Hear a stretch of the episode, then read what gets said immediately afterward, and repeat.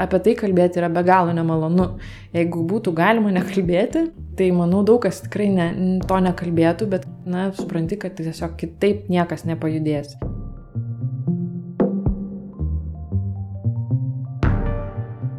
Kai klausytojų paprašėme pasidalinti istorijomis apie patirtą priekabiavimą, nemanėme, kad kasdieną gausime po naują laišką.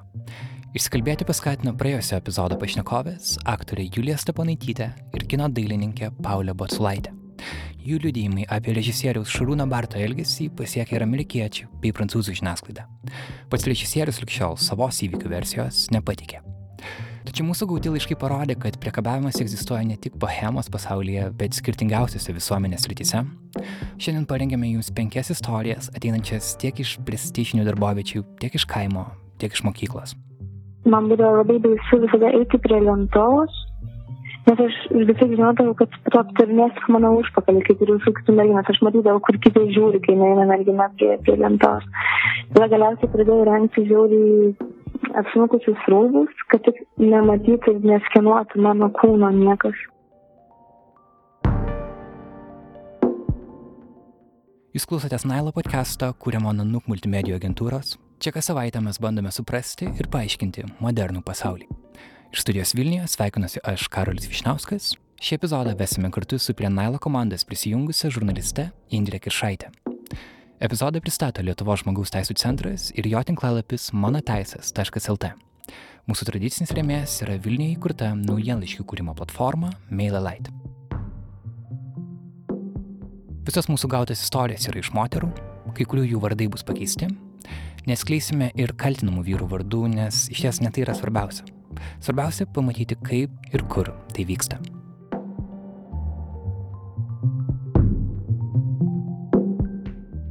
Pirmoji istorija. Tik nesakyk mano žmonai, kad čia dirbsi. Mano vardas yra Aurėja, man yra 17 metų.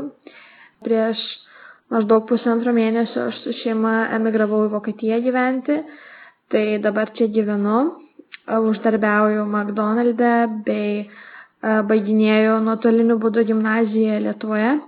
Istorija mano yra tikrai labai ilga ir šlikšti. Prieš metus Aurėja ieškojo vasaros darbo Vilniuje. Prieš tai buvo dirbusi auklę ir norėjo tai pakartoti.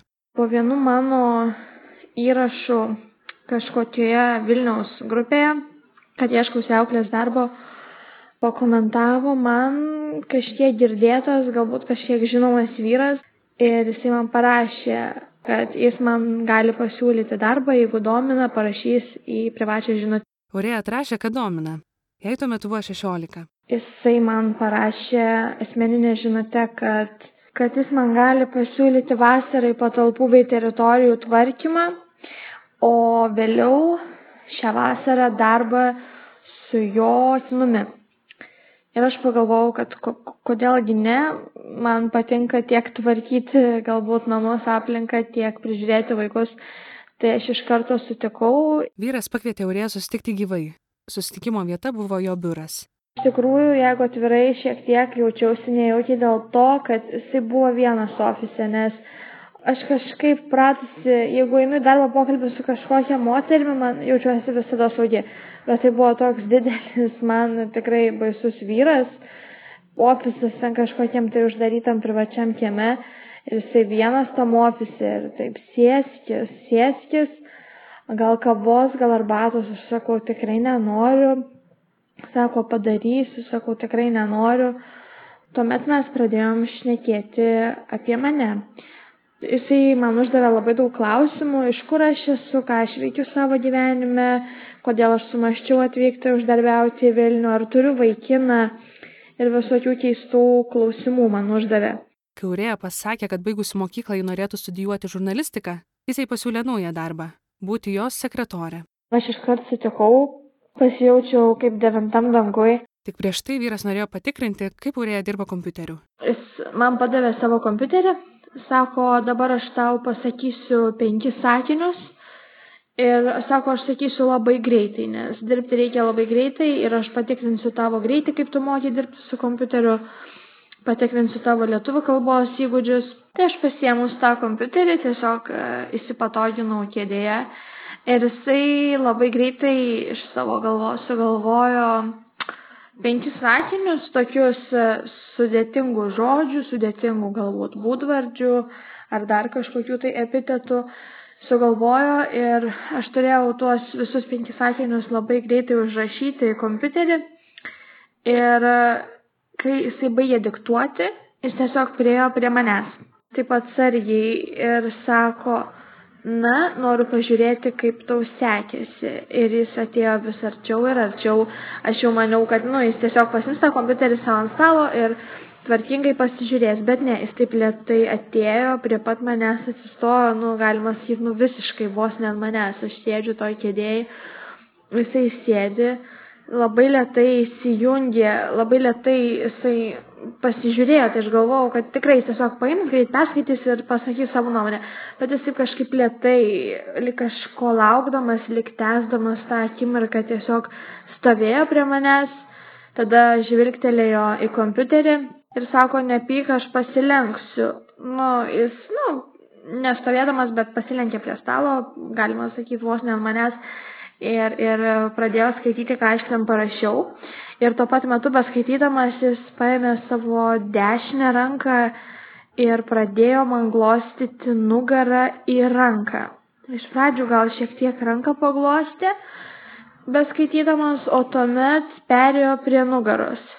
Aš be galo įsigandau, nes jis toks didelis, storas, nutukęs vyras, vos ne užgriuvęs ant manęs glosto mane ir jisai glosto ne taip, kaip glosto mano tėtis, kaip glosto mano dėdukas ar koks dėdė, jis glosto visiškai kitaip. Ir aš taip galvoju, ar aš čia teisingai suprantu, ar aš čia galvoju kažkokias blogas mintis, kurios mane dabar tiesiog aplanko.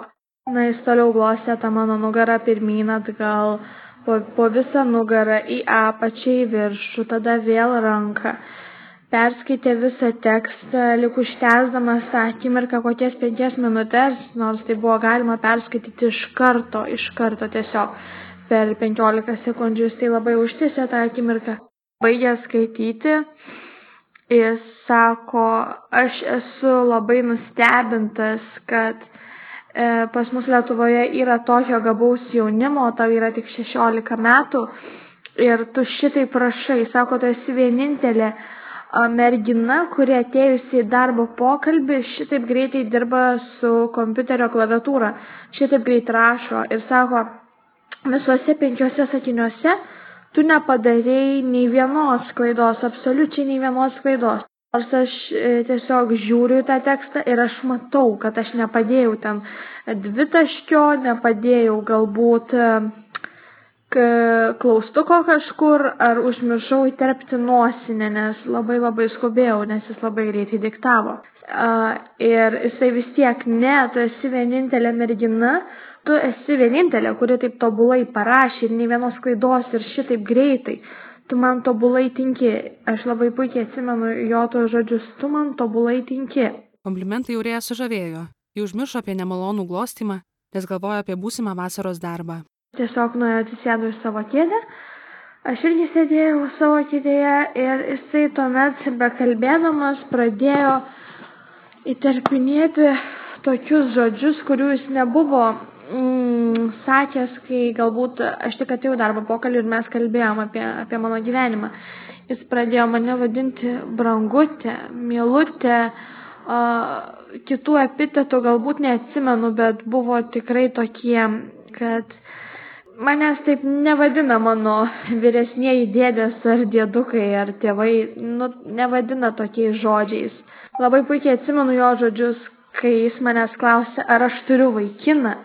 Ir man iš karto toks klausimas, kodėl jam turėtų rūpėti, ar aš turiu vaikiną. Kai atsakiau ne, jis nustebo ir paminėjo, kad aš esu labai simpatiška, labai graži ir labai protinga mergina. Jisai sakė, kad, oho, tu neturi vaikino, aš būčiau tavo metų, tai jau iš karto merginčiau tokią nuostabią mergaitę kaip tu. Aišku, aš kukliai nusišypsojau, man buvo malonu, kad jis taip mane išgyrė. Mes toliau sėdėjom, sėdėjom.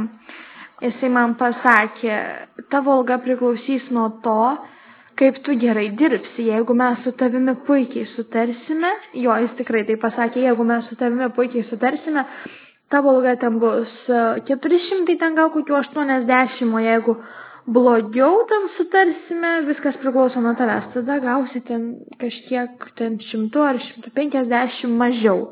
Iškart pagalvojau, ką reiškia tas gerai sutarsime, kaip galima, jeigu gerai sutari gauti daugiau, jeigu blogai sutari gauti daug mažesnį atlyginimą.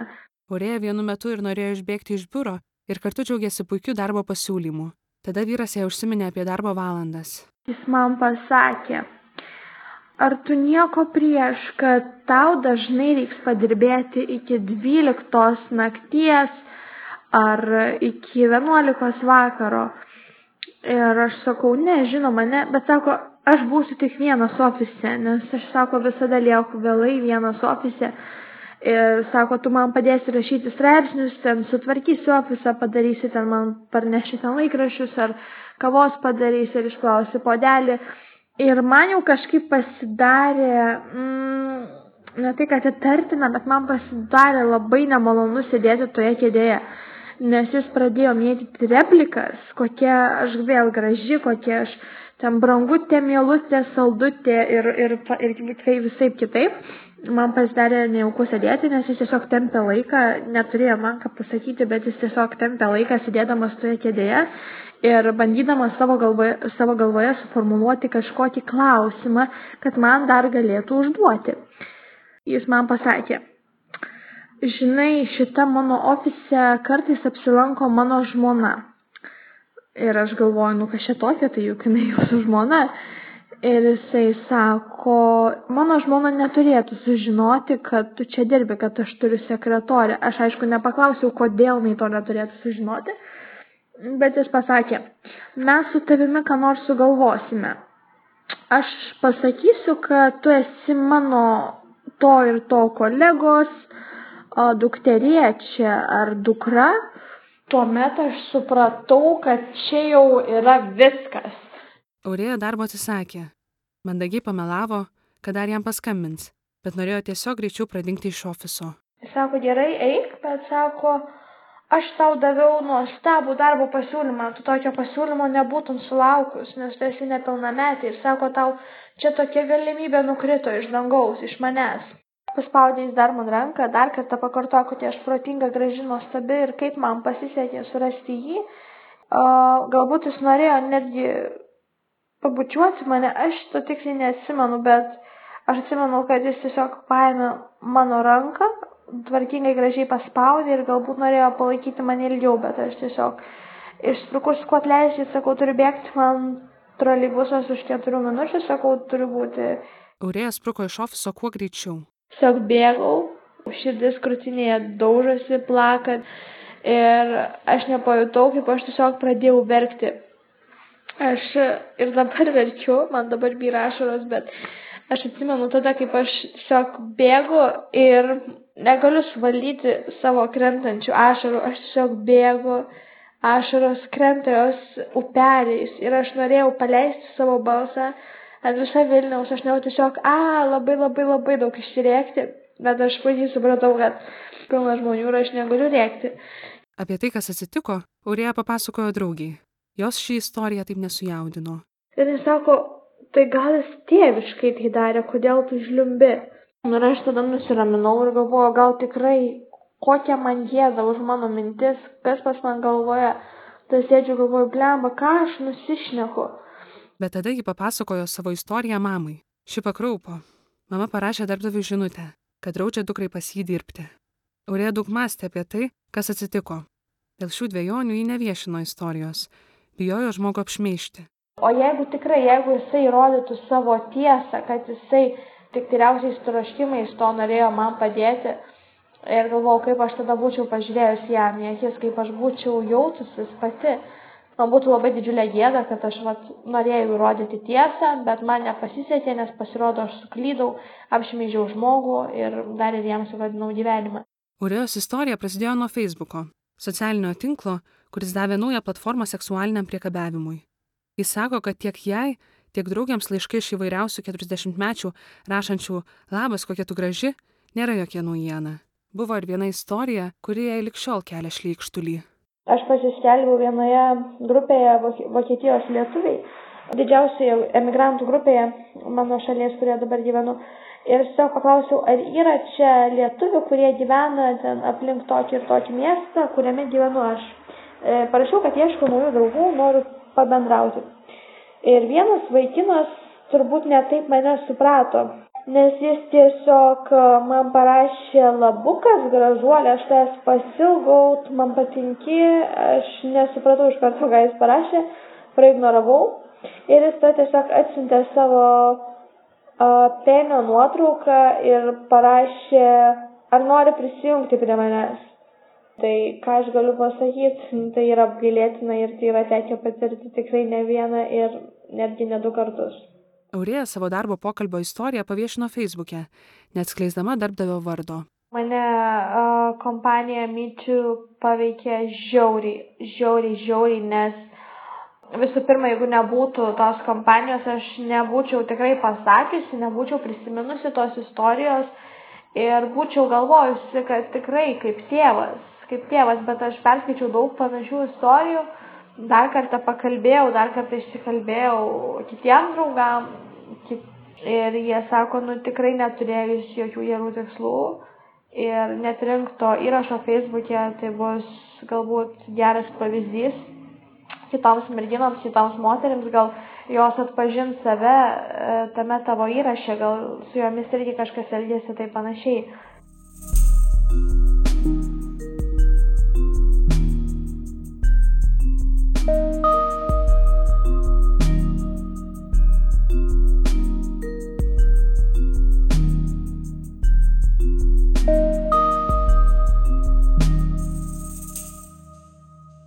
Antroji istorija - karjeros galimybė.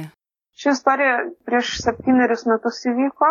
Buvau kaip tik įstojusi į doktorantūrą. Kol kas dar mano padėtis akademiniam pasaulyje buvo labai nestabili. Tuo metu neturėjau nei doktorantūros finansavimo, nei jokio akademinio darbo pasiūlymo, kuris padėtų išsilaikyti atliekant doktorantūros tyrimus. Daiva studijavo antropologiją, Anksčiau buvo studijavusi užsienyje ir dabar grįžus į Lietuvą norėjo įsilieti į tarptautinę žiniasklaidos erdvę. Tuo metu aš jau buvau pradėjusi rašinėti ne tik lietuviškai, bet ir angliškai į įvairius tinklaraščius ir jaunimo žiniasklaidos priemonės, bet pajamų tai negeneravo skirtingai negu kai kurie žmonės kažkodėl mano aš vis tiek tam skirdavau laiko, nes labai tikėjausi, kad galbūt e, man pavyks užsikabinti ir kad galbūt pavyks, man pavyks pradėti tarptautinę karjerą kaip e, politologijai ar kaip sociologijai, socialinių reiškinių kažkokie apžvalgininkai. Ir tokia galimybė atsirado, arba bent jau Daivai taip atrodė. Ji daug bendravo su Lietuvoje gyvenančiais užsieniečiais, jie diskutuodavo apie politiką ir Lietuvos visuomenę. Ir vienas iš jų mane pakvietė į vakarėlį kuriame susipažinau su tuo metu vizituojančiu profesoriumi. Šis profesorius e, dirbo be kitų šalių Junktinėse Amerikos valstijose, puikiai vertinamame universitete. Mums pradėjus kalbėtis, mes radome daug bendrų temų ir atrodė, kad iš tikrųjų labai gerai vienas kitą suprantame.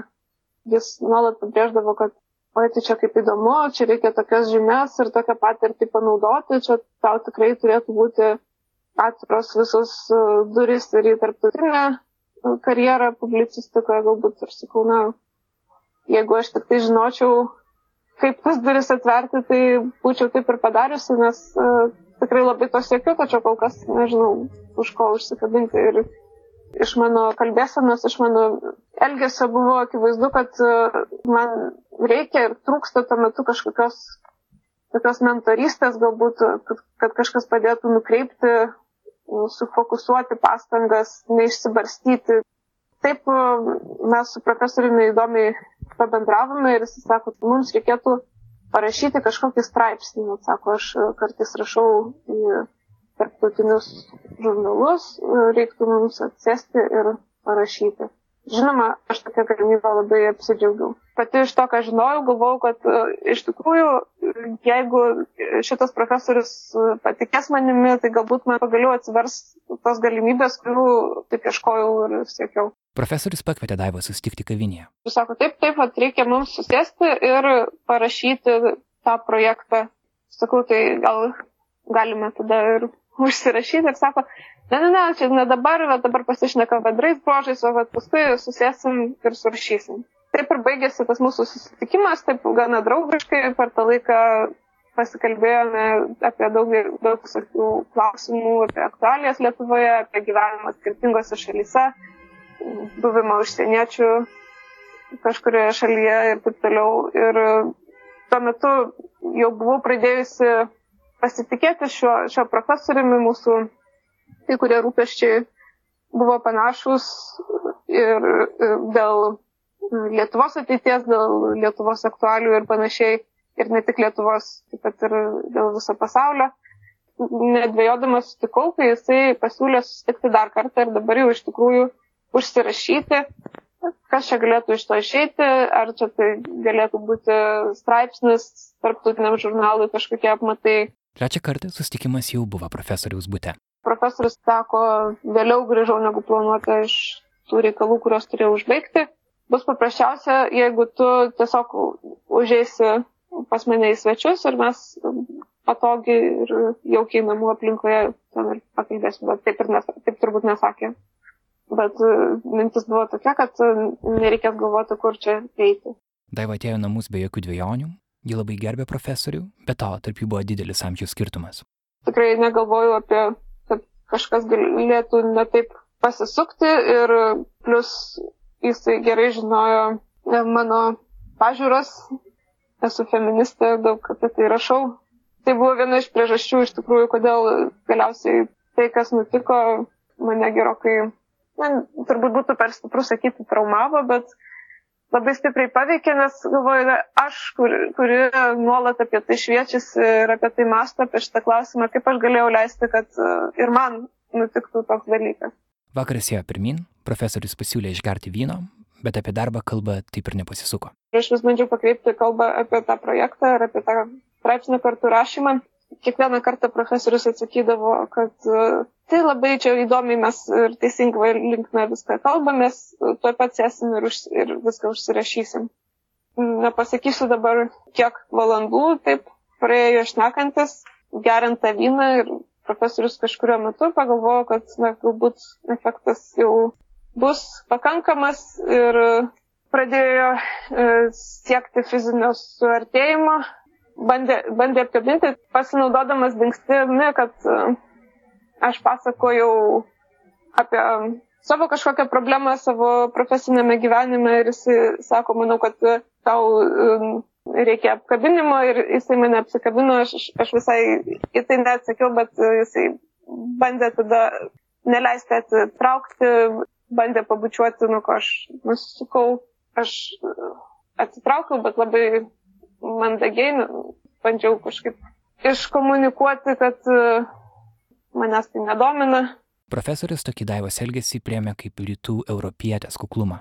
Sako, tau reikia atsipalaiduoti ir per daug um, nesigraužti dėl, ne, nepamenu, tiesą sakant, kaip, ką jisai ten konkrečiai sakė, bet mintis buvo tokia, kad čia dėl kažkokio vos ne davatkiškumo kažkokio aš atsisakau su, su, su juos vartėti. Daiva suprato, kad nori išeiti, pasakė, kad jaučiasi blogai. Jų atsisveikinimas buvo draugiškas. Aš vis tiek maniau, kad mums pavyko kaip dviem saugusiems žmonėms išsiaiškinti, mažą ką pasitaiko, profesorius irgi galbūt daug išgėrė ir viskas kaip ir baigėsi gerai. Ir tai niekaip nepaveiks mūsų kaip intelektualų bendravimo ir bendradarbiavimo. Bet... Tačiau, kaip galima nuspėti, visos nuostabios idėjos pasirodė esančios netokios ir nuostabios, ir perspektyvus projektai pasirodė esą nebe tokie perspektyvus. Daugiau profesorius su, su tą mintimi nebesugrįžo ir aš pasiryžau jam apie tai priminti, kad, e, na, tai kaip tada tas straipsnis ir, ir tie projektai. Ir į tai jisai e, atsakė, kad e, yra labai užsiemęs ir žinoma, kad na, nieko apie ką buvo kalbėta, taip niekada ir neįvyko. Tai davai ir buvo skaudžiausia. Netgi ne pats noras prie jos prisiliesti, bet tai, kad profesorius panašu norėjo su juo būti ne dėl jos mąstymo, o dėl išvaizdos. priemiau tai kaip iš tikrųjų labai didelį įžeidimą ir kaip uh, tokio intelektualaus kolegiškumo paniekinimą.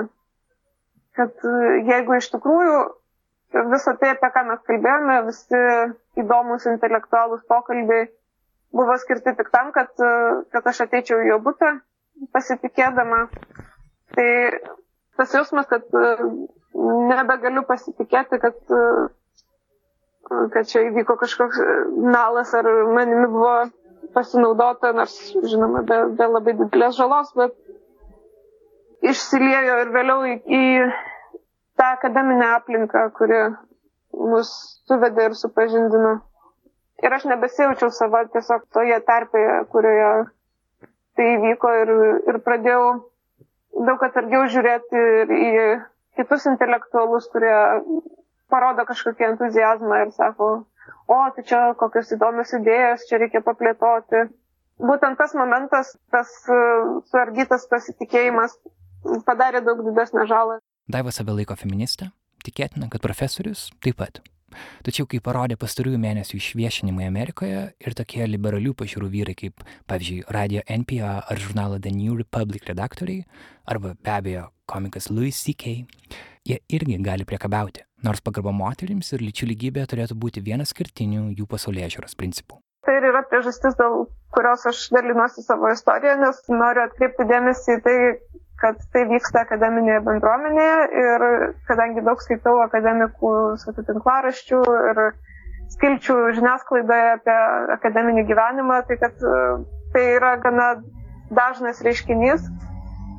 Ir moterų karjeros dažnai yra priklausomas nuo vyrų galios pozicijose ir labai sunku yra pamatuoti, ar negavai tos galimybės, ar to projekto, ar tos geros rekomendacijos tik dėl to, kad, kad kažkada atsisakys permegoti su žmogumi galios pozicijoje, ar galbūt iš tikrųjų kitas kandidatas buvo geresnis, to niekada niekas nepamatuos, bet uh, akademiniai karjerai tai turi milžiniškų pasiekmių.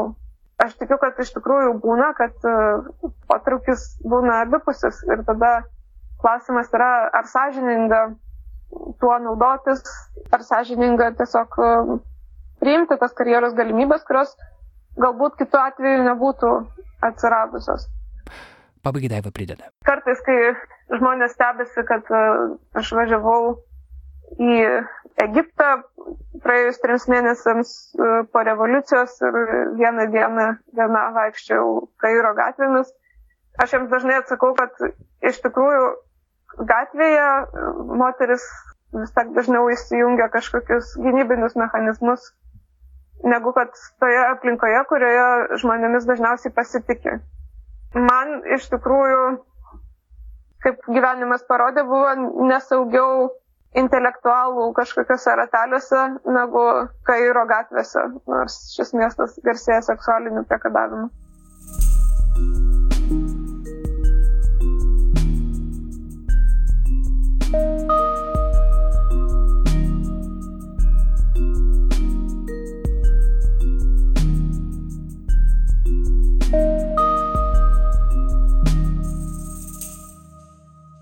Trečioji istorija - košmaras kaime. Labai norint įmanoma diskutuoti, ar Daivos ir Aurėjos atvejais tikrai buvo norėta priekabiauti. Bet Nanuk pašto dėžutę pasiekė istorija, kuri jokių abejonių nesukėlė. Mums parašysi mergina buvo išprievartauta, jos draugė taip pat. Jų vardų dėl suprantamų priežasčių neskelbėme, bet žinome, kad istorija, dėja, yra tikra. Laiškas skaito Indrė. Man buvo neseniai suėję 15. Buvom vienam vakarėlį už miesto sodyboje su pažįstamais žmonėmis. Vieni buvo draugai, kiti matyti veidai iš to pačio miesto apylinkių. Aplinka pakankamai saugi, nors tėvai per daug nežiūrėjo, kur važiuoju naktį, pasitikėjo. Daugiausia draugai buvo vyresni, žinoma, buvo daug alkoholio. Nelabai prisimenu vakarėlio įgos, bet turiu užtančio ryto fragmentus, kurie yra vis dar skaudus. Mane mėguistą kažkas žadino, trynėsi lietė, bandė renkti, Aš buvau kiek bejėgė ir po kažkiek laiko nevykusių grumtinių lovoje ir kambaryje, kur miegojo daug žmonių, mane išsinešė į tualetą. Buvau vis dar nesąmoninga ir išsiblaivėjau tik tada, kai vyko aktas. Buvau visiškai bejėgė. Jis pasakė, mėgsti pistis. Kartai šitą frazę prisimenu ir pasidaro šlikštu. Tai buvo mano viena pirmųjų seksualinių patirčių apskritai. Po visko nežinojau, kaip elgtis. Sėdėjau ant laiptų ir drebėjau. Jis rūkė, kažką kalbėjom. Po visko man labai ilgai buvo šlikštu. Kartais eidavau gatve ir prisiminus tai, nuleisdavau galvą iš gėdos ir bjauraus jausmo. Po kokių šešių metų tas bjaurus jausmas kažkur išsitrynė. Prisiminiau jį tik dabar, kai ta tema labai eskaluojama. Niekam nepasakau, tik savo psichologijai, o papasakojus istoriją paklausiau, ar mane išprievartavo, ar aš dėl to kalta. Ištryniau tą žmogų iš gyvenimo. Mačiau po to tik kartą. Aš visiškai to nenorėjau ir tai buvo prieš mano valią. Blogiausia, kad tą pačią naktį toje pačioje vietoje išprievartavo ir mano draugė. Tik kitaip nei mano atveju, tai visi matė. Jos niekas nepalaikė ir vadino pasileidėlę. Atsimenu, kad ją guodžiau ir palaikiau.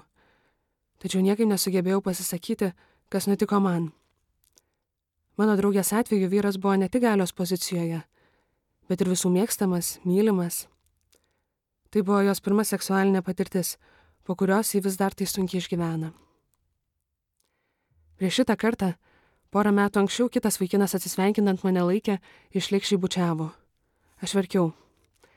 Abu kartus buvau visiškai ištrynus iš atminties. Kartą esu net pati priekabiavusi prie vyro. Manau, kad psichika taip sutvarkė, kad nebegalėjau būti auka ir perėjau skriaudikės vaidmenį. Norėčiau pasakyti draugiai, nes šiuo metu jį vėl išgyvena šias emocijas. Jaučiu, kad bent savo įsiforminau, kas su manimi įvyko. Ši istorija įvyko kaime. Mažoje bendruomenėje yra kitos taisyklės ir dažnai daug mažiau saugumo. Paklausiau laiško autorės apie prievartos mastus kaime. Manau, čia vienas iš visuomenės sluoksnių, kur tai vyksta dažnai. Skaičiau komentarus, diskusijas, visi sakė, kad prievartos net pažinimas ir jos normalizavimas yra liekana iš senesnių laikų. Kaimas yra laiko mašina, kur atsiduri kažkur dar anksčiau, todėl tenga ir normalizuojama prievarta. Nemanau, kad nors vienas iš tų vyrų jaučiasi blogai ar ką nors padarė. Kaip jie atrodo, kaip mums visiems judėti į priekį? Kas keičia situaciją, o kas ne. Pirmiausia, tai keičia netylėjimas, parodymas pirštu, kad buvo padaryta blogai. Bet mažoje gyvenvietėje nedaug žmonių, visi visus pažįsta. Ir tada susiduri su tuo, kas spaudžia ne tik nuostatos prieš tai, kad pati kalta, bet ir tai, kad žinos absoliutas. Nebus tų, kurie nežinos, kad tu neišprievartauta. Dėl to labai sunku. Žinoma, tai keisis, bet ir tam reikės laiko. Pavyzdžiui, Barto skandalas. Jis įvyko, tačiau nieko neįvyko. Niekam nesvarbu, Visi labiau kvestionuoja ar aukos kaltos, bet ne prievartautoje, kuris vis dar išlaiko savo galios poziciją. Manau, svarbiausias dalykas yra edukacija ir empatijos sugdymas. Žmonėms sunku suprasti, kaip jaučiasi aukos, jie net nepagalvoja, kas būtų, jei auka būtų sesuo, žmona, dukra.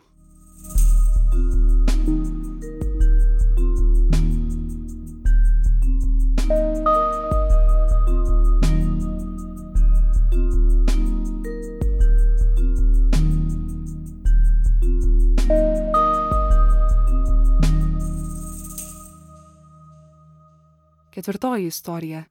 Niekada neišdrįstu apsirengti taip gražiai, kaip apsirengiu savo kambaryje.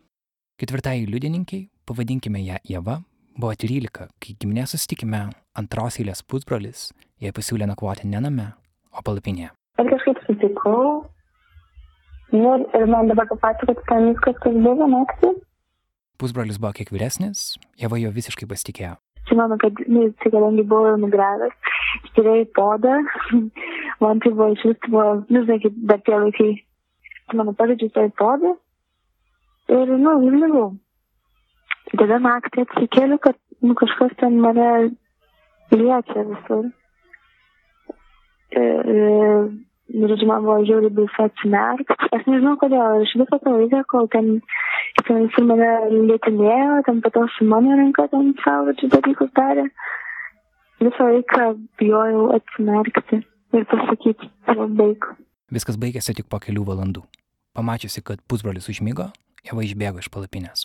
Ir apsivėjau ir verkiau ir nežinau, daryti, ir aš bijau tą palapinę grįžti, o namai buvo užrakinti, bet man vis tiek teko grįžti. Tai va. Šiandien Jeva savęs klausia, kodėl nesigynė. Bet tuo metu ji tiesiog norėjo, kad viskas kuo greičiau baigtųsi. Aš turiu kažkokią bejėgę jaučiaus, kažkokia silpna, menka mergaitė. Man gal buvo tiesiog baisu paprieštarauti. Nes aš šiaip dabar kaip prisimenu tą visą savo vaikystę, žinai, kaip sako, sąskaitas išrašinėjau tevam. Tai, pavyzdžiui, nu, tarkim, mano brolis buvo labai tas, kuris rėkdavo, ginčydavosi, o aš būdavau ta tyli. Nu, mane girdavo už tai, kad aš, pavyzdžiui, kai nuo manęs pykdavo, kad aš tylėdavau. Gal man tai išėjo, kad aš galvojau, gal aš išspręsiu visą tai tyla. Bet dabar tu supranti, kad e, tyla neišspręsi dalykų. Ne, absoliučiai man iš vis tas įvykis tai toks kaip visą laiką bandžiau tai užmiršti, toks žinai, kaip jeigu tai tą įvykį sunkia, sunkia metalinė skrynė apsvarstai šitom metaliniam grandinėm, nu ir padedi į save ten, gal žinai, kiekvieną dieną ne, neprisimeni to, bet visada su savim tempies. Dabar manau laikas, kad ir man geriau pasidaro, kaip aš sakau. Tuo metu Jeva niekam nepasakojo, kas atsitiko. Absoliučiai niekam. Aš tada kitą rytą buvo taip, kad mano teta važiavo į Vilnių ir jisai, aš net jį žiūrėti negalėjau. Ir tada sako, tipo, pasilik mane viską veikti. Tai aš tada sugalvojau melą, kad aš labai susirgau, aš labai vieną apsimetinėjau, kad aš labai sergu. Atsimenu, mane vežė namo, aš galėjau nu, atsivenus pro langą žiūrį. Ir mane kalbina, ir kalbina, o man tiesiog, nu, net blogai iš viso kalbėti. Aš tada grįžau namo. Gal tėvai tada ir kažkaip klausė, kaip sakėt, bet aš nepasakiau, aš tai šitą niekam. Kodėl aš nesakiau tėvam? Todėl, kad e, man buvo gėda pripažinti, kad aš kažkokius turėjau lytinius santykius. Ilgą laiką po tos nakties Jeva tiesiog negalėjo prisiliesti prie vaikinų.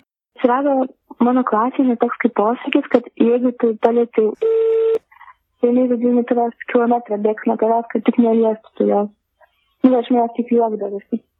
Man būdavo geriausia diena, jeigu manęs neapsikabina vaikinus. Jeva mokėsi puikiai vertinamoje didelio Lietuvos miesto mokykloje, tačiau kalbant apie vaikinų ir merginų santykius, situacija ten buvo tokia, kaip ir daugelį kitų Lietuvos mokyklų. Tokia, kokią reikia keisti. Man būdavo labai baisu visada eiti prie lentos, nes aš visai žinodavau, kad po to aptarinės mano užpakalį, kaip ir visų kitų merginas. Aš matydavau, kur kiti žiūri, kai neina mergina prie, prie lentos. Tada galiausiai pradėjau rengti žiauriai apsmukusius rūbus, kad tik nematytų ir neskenuotų mano kūno niekas. Tai man dar ir dabar biškitas įstinis išlikęs, kad aš, nu, niekada, nu, aš jaučiuosi labai graži savo, nu, kaip labai, nu, tiesiog pasitikiu savo grožį, bet niekada neišdrįsdavau ir neišdrįstu apsirengti taip gražiai, kaip aš apsirengiu savo kambarį. Tada man tas toks yra, kad uždengti savo pėną, laikyti savyje, kad tik niekas nematytų.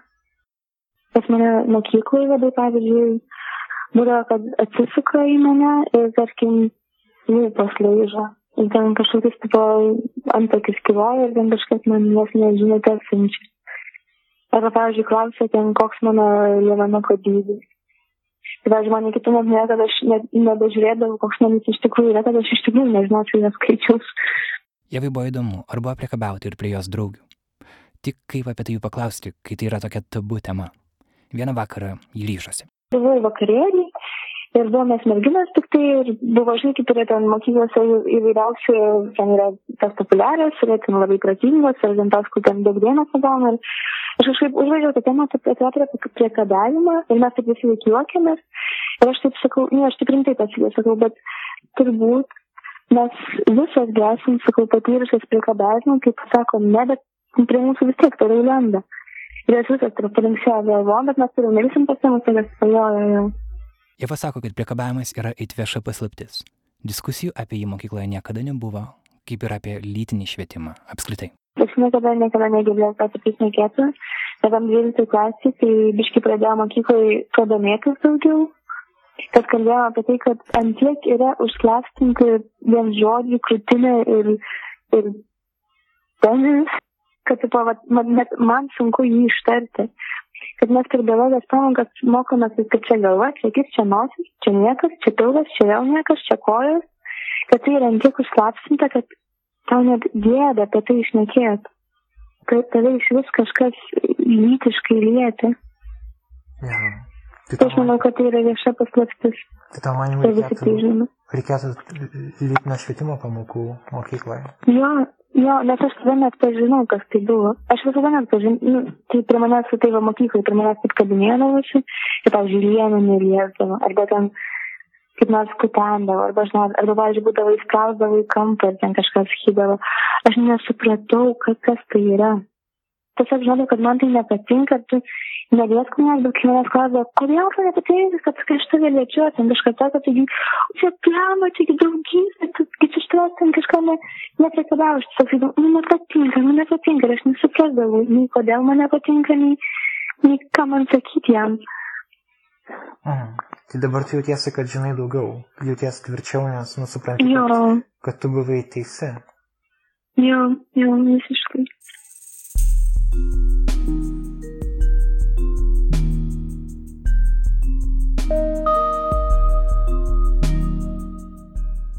Šiandien Ieva gyvena ne Lietuvoje. Ji turi vaikiną, savanoriauja sako, kad yra laiminga. Su pusbroliu ji matėsi vos porą kartų, jo šeima emigravo, jie niekada apie tai nesikalbėjo.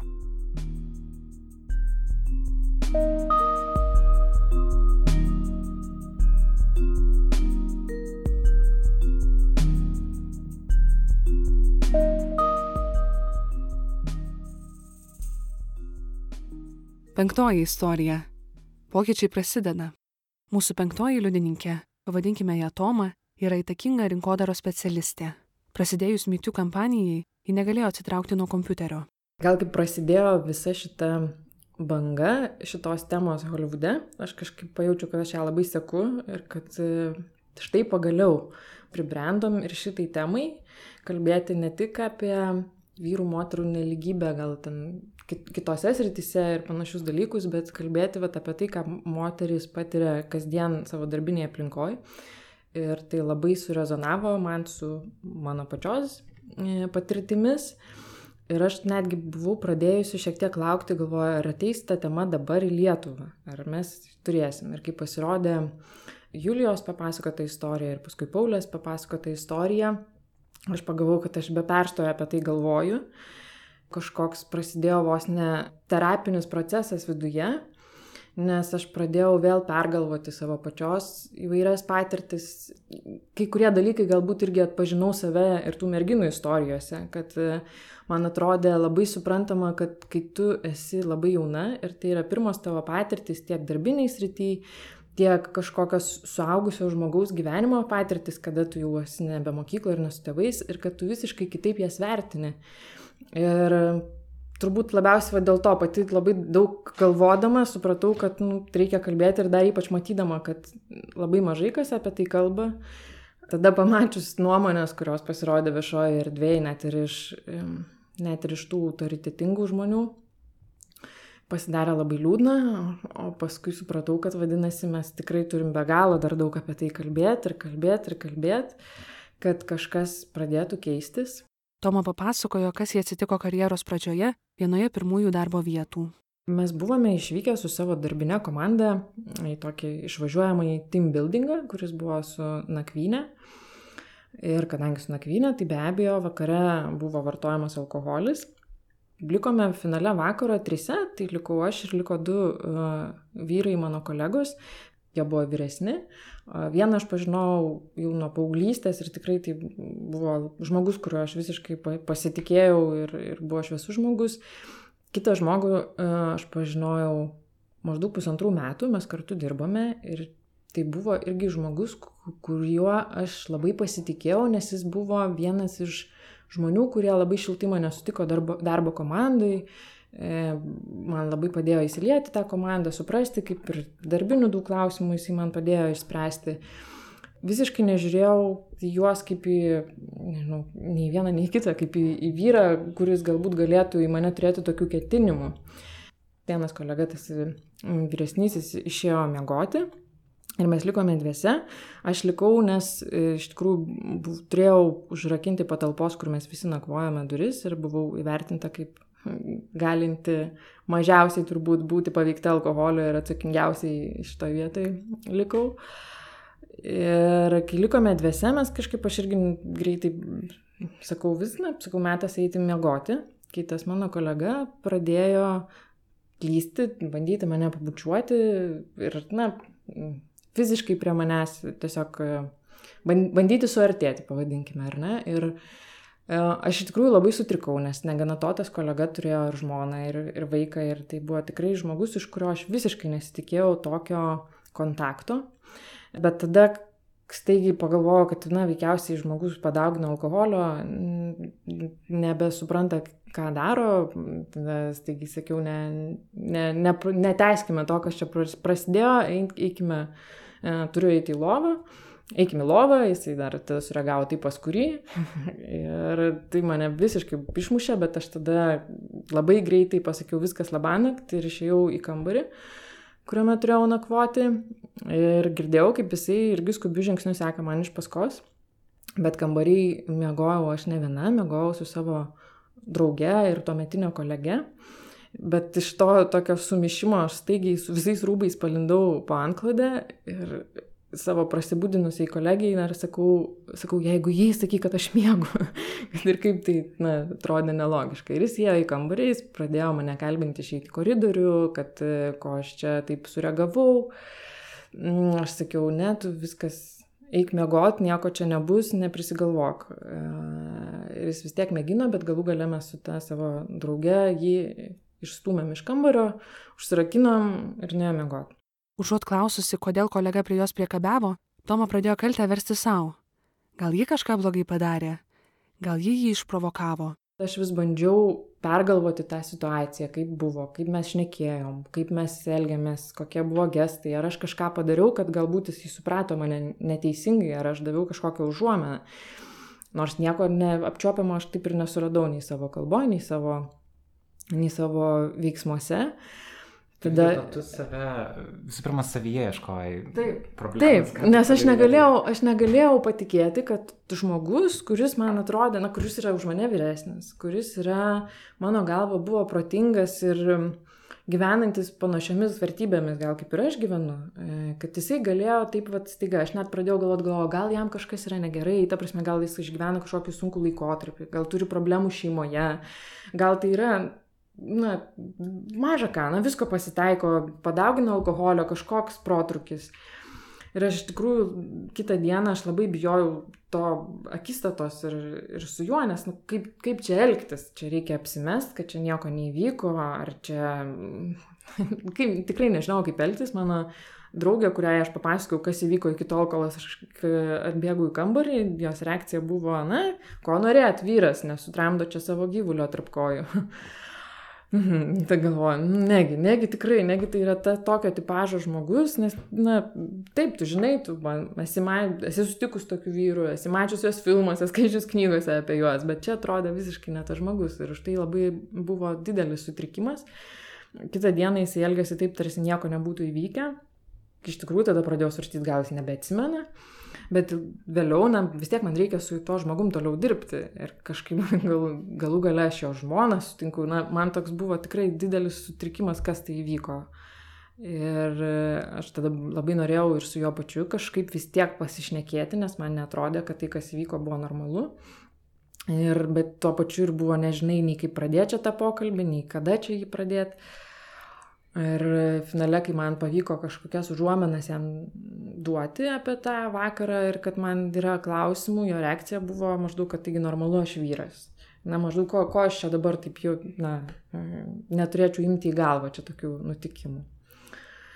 Tai va, tai tokia buvo ta istorija ir iš tikrųjų aš tik tai dabar ją žiūrėdama atgal jau aiškiau, kad ta gėda, kuri buvo, kad jinai tam tikra prasme yra įdėkta manyje kaip moteryje, kad e, mes esame iš tikrųjų mūsų kultūroje, tarsi moteris yra visada atsakinga, kad vyras susivaldytų, tarsi moteris visada yra provokatorės e, se, tokiais seksualumo klausimais, kad moteris visada buvo viliotojos, ar ne, ir, ir, ir vyrai yra tik tai tie, kurie užkimba arba neužkimba. Ir jeigu neužkimba, tai mes sakom tvirtas vyras, o užkimba, nu tai Na, tai pasitaiko čia juk vyrai. Po to karto, kai kolega bandė prie jos lysti, Toma dar galvojo, o gal tai buvo tiesiog dėmesys, kažkokia keista flirto forma. Šiandien į klausimų nebekyla, kur yra flirtas, o kur priekabiavimas. Visur riba yra ten, kur žmogus pasako ne ir stop, man nebegerai. Kas tai bebūtų, ar tai bebūtų seksualinis priekabiavimas, ar tai būtų, tarkim, visi mes, tas, man atrodo, didžioji dalis žmonių esame patyrę e, prievartą išgerti alkoholio, kur tai bebūtų, ar ne, vakarėlėje, bare, draugų kompanijoje, kada atsiranda koks nors vyriškis arba dama, kurie yra patys dažniausiai jau padauginę ir kurie pradeda spausti. Ir kartais net agresyviai, piktai, kad vat, tu turi. Tai yra panaši, tik tai labai, na, tokia maž, mažesnės, gal apimties problema, kad žmog, tas žmogus pradeda tavęs nebegerbti, nebegerbti tavo pasirinkimo, nebegerbti tavo gebėjimo pa, pačiam spręsti, kaip aš noriu ir nenoriu. Ir čia, vat, tai ta riba yra pirmiausia, kad jeigu žmogus nenori, nesvarbu, ar tai netgi, net jeigu tai ir buvo flirtas, ir buvo romano pradžioje, bet jeigu staiga žmogus pasako ne, tai reiškia ne, tai tu neturi, manau, nei vienas iš mūsų neturim teisės jo versti elgtis prieš savo norą. Toma papasakojo kitą po metų nutikusią istoriją kitame darbe su kitu kolega. Šį kartą neprireikė alkoholio, viskas buvo daug tiesmukiau. Buvo kelios tokios dienos e, esminės mūsų darbiniam kolektyvė, nes buvo labai daug streso, buvo labai daug darbo be galo ir visi turėjo labai daug dirbti ir viršvalandžius ir, ir panašiai.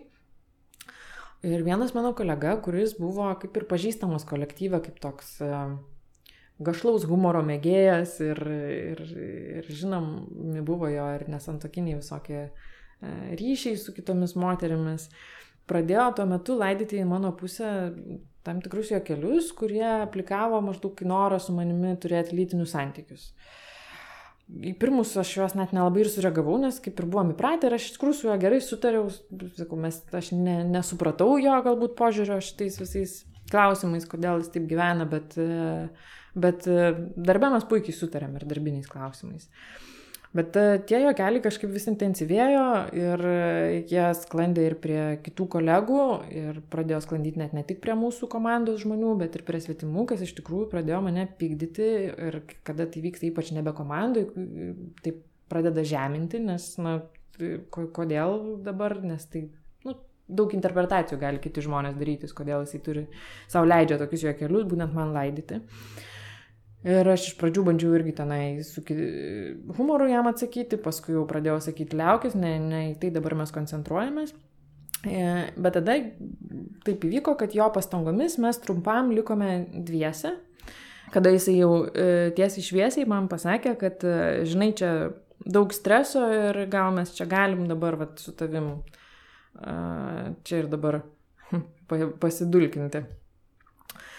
Ir aš iš pradžių irgi pagalvojau, kad jis juokauja, bet supratau iš jo mm, tolimesnės intonacijos, kad tai nėra humoras, kad jis galvoja, kad taip vat, tiesiai šviesiai pasakys. Ir aš jam pasakiau, kad tu čia išsigalvoji, tikrai ne. Bet jis vis tiek pradėjo mane kaip ir įkalbinėti ir suveikė vienintelis, jau nebežinodama iš to, ką jam pasakyti. Ir net nebenorėdama gaišti laiko, aš pasakiau, kad jis man yra šlikštus ir kad aš nenoriu E, su juo turėti lytinių santykių. Ir tai suveikė, mm, jisai pyktelėjo, bet įvyko atsitraukimas ir tiesiog labai greitai mes nebebuvome tik dviese, ir, ir ta, bet baigėsi ir juokeliai e, tam, tam laikotarpiu ir, ir, ir kažkokie kiti, kiti veiksmai mano atžvilgiu. Tai šita situacija mane labai stipriai supykdė ir, na, tikrai labai pikau ir jau, jaučiau apmaudą ir pažeminimą, kad ir jisai taip galėjo pagalvoti, kad aš galėčiau taip, vat, tiesiog imti ir, ir tai padaryti, bet labai pikau, nes tai buvo visiškai ne tas laikas, tai buvo tikrai pilnas įtampos laikas, kada mes visi stengiamės susikoncentruoti darbą, nes reikėjo išspręsti tam tikras situacijas, ar ne, ir, ir aš pati labai buvau susikoncentravus ir norėjau visą savo dėmesį skirti darbą, o ne spręsti štai tokius niuansus. Ir e, tada tikrai buvo, jutau labai didelį pyktį. Toma nelaikė šių istorijų tik savo, kalbėjosi su draugėmis ir kolegomis, kuriais pasitikėjo, bet šiame ligmenyje ir pasiliko. Jis suprato, kad ši problema yra daug didesnė už ją pačią, kad darbo kultūra keisis labai lietai ir jai kaip jaunai profesionaliai reikės su tuo tvarkytis. Tad ji ėmėsi būdų, kaip save apsaugoti. Pavyzdžiui, eiti į darbo vakarėlius su draugu, vardan ramybės, labai gera įsivaizduoti, kad galbūt po 20 metų, vat kitaip bus toj darbinėje aplinkoje. Tas aišku, kad greitai neišsigyvens, bet taip gera matyti tą tokią taip šilta pasidaro, kad galbūt kažkas dirbs ir ne, neturės galvot, kurį čia man draugą dabar vakare po darbo nusivesti, kad tik tai čia man nereikėtų išsisukinėti iš situacijų tokių nemalonių ir, ir taip nemaloniai paskui turėti tos darbinius santykius. Aš neišpagalvoju, kad niekada neturėjau minties eiti kažkokį vakarėlį ir būtinai pasimti draugę, nes man gali kažkas atsitikti. Ir aš niekada negalvojau, kad tokia problema iš viso gali egzistuoti. Mhm. Tai iš tikrųjų mano e, vienas iš vaikinų jis labai nemėgdavo eiti į mano darbinės ir, žinot, toks keistas dalykas, bet iš tikrųjų e, sakytum, nu tai ko, tai neik ar ne į vakarėlį, bet nu, na, ne, nebūkime mes naivus, taip žinoma, vakarėliai, dar, darbo vakarėliai yra svarbi dalis ir tam tikram lygmenį tai galbūt yra tiesiog komandos suklyjavimai Bet yra lygmenių, kur yra per vakarėlius netgi ir sprendimai tam tikri priimami. Ir jeigu tu esi atitinkamai pozicijoje ir tu nori tuose sprendimuose dalyvauti, tu nori ten diskusijose tuose dalyvauti, tu turi ten sudalyvauti. Ir taip išmoksti galbūt nebebūti jau po tam tikros ribos, kai jau matai, kada jau nebevyksta adekvatus pokalbis ir bendravimas, tada tu išmoksti, kad na, jau viskas aš kaip ir pasišalinsiu.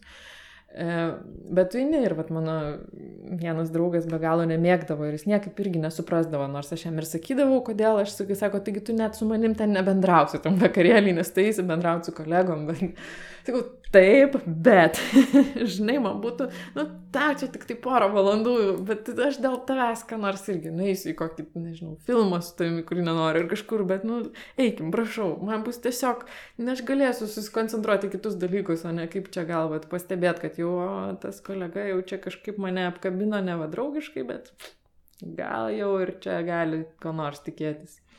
Paklausėme Tomos, ar jį jaučia, kad sulik vis daugiau atvirų moterų užsipasakojimų apie patirtą priekabiavimą, pokytis kultūroje prasidėjo. Manau, kad taip. Manau, kad tas pokytis prasidėjo, dėl ko yra labai gera. Ir labai gera, kad kol kas dar vis vyksta tas kalbėjimas.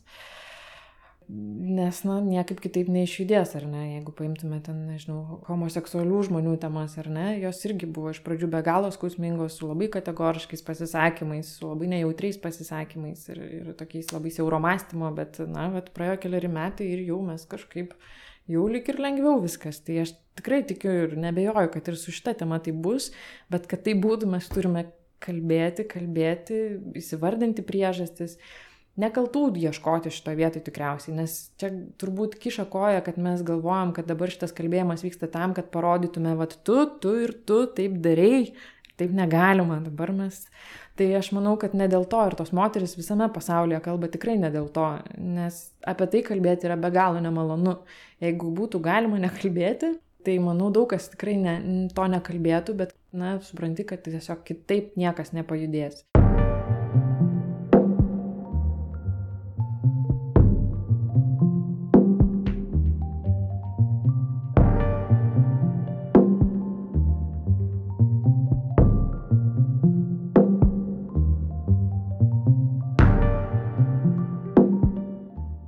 Mes dėkojame visoms pašnekovėms, sutikusiems papasakoti savo istorijas. Jeigu esate patyrę seksualinę prievartą ir neturite su kuo apie tai pasikalbėti, kreipkite į pagalbos moteriams liniją. Jų telefono numeris yra 8 800 66 366. Tai toli gražu nėra visos istorijos, kurias gavome į Nanuk pašto dėžutę. Ateityje planuojame prie jų sugrįžti. Epizodą produsavau aš Karolis Višniauskas, įvedžiau kartu su Indrė Kiršaitė. Muzikos autorius yra Martinas Gailius iš Soda Sounds. Iliustracija, kurią galima matyti NileLT tinklalapyje greta epizodo, nupiešė Eglė Plytnikaitė. Šį epizodą pristato Lietuvos žmogaus teisų centras ir jų tinklalapis monoteisės.lt. Mūsų tradicinis rėmėjas yra MailerLite, Vilniuje įkurta naujienlaiškių kūrimo platforma.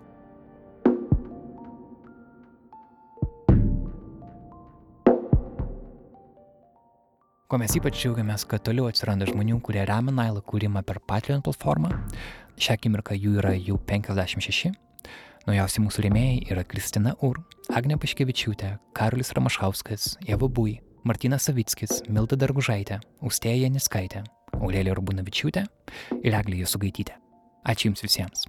Prisidėti prie Patreon kompanijos galite alti su patreon.com pasvirasis brūkšnys nanuk multimedia, kaip vienas žodis. Į studiją grįšime kitą savaitę, tada vėl perėsime prie tradicinio tempo, pristatysime epizodus ketvirtadieniais 12 val. Jie pasirodys adresu nailo.lt ir jūsų telefono podcastų programėlėje. Nailo kūrė multimedijų agentūra Nanuk. Iki greito. thank you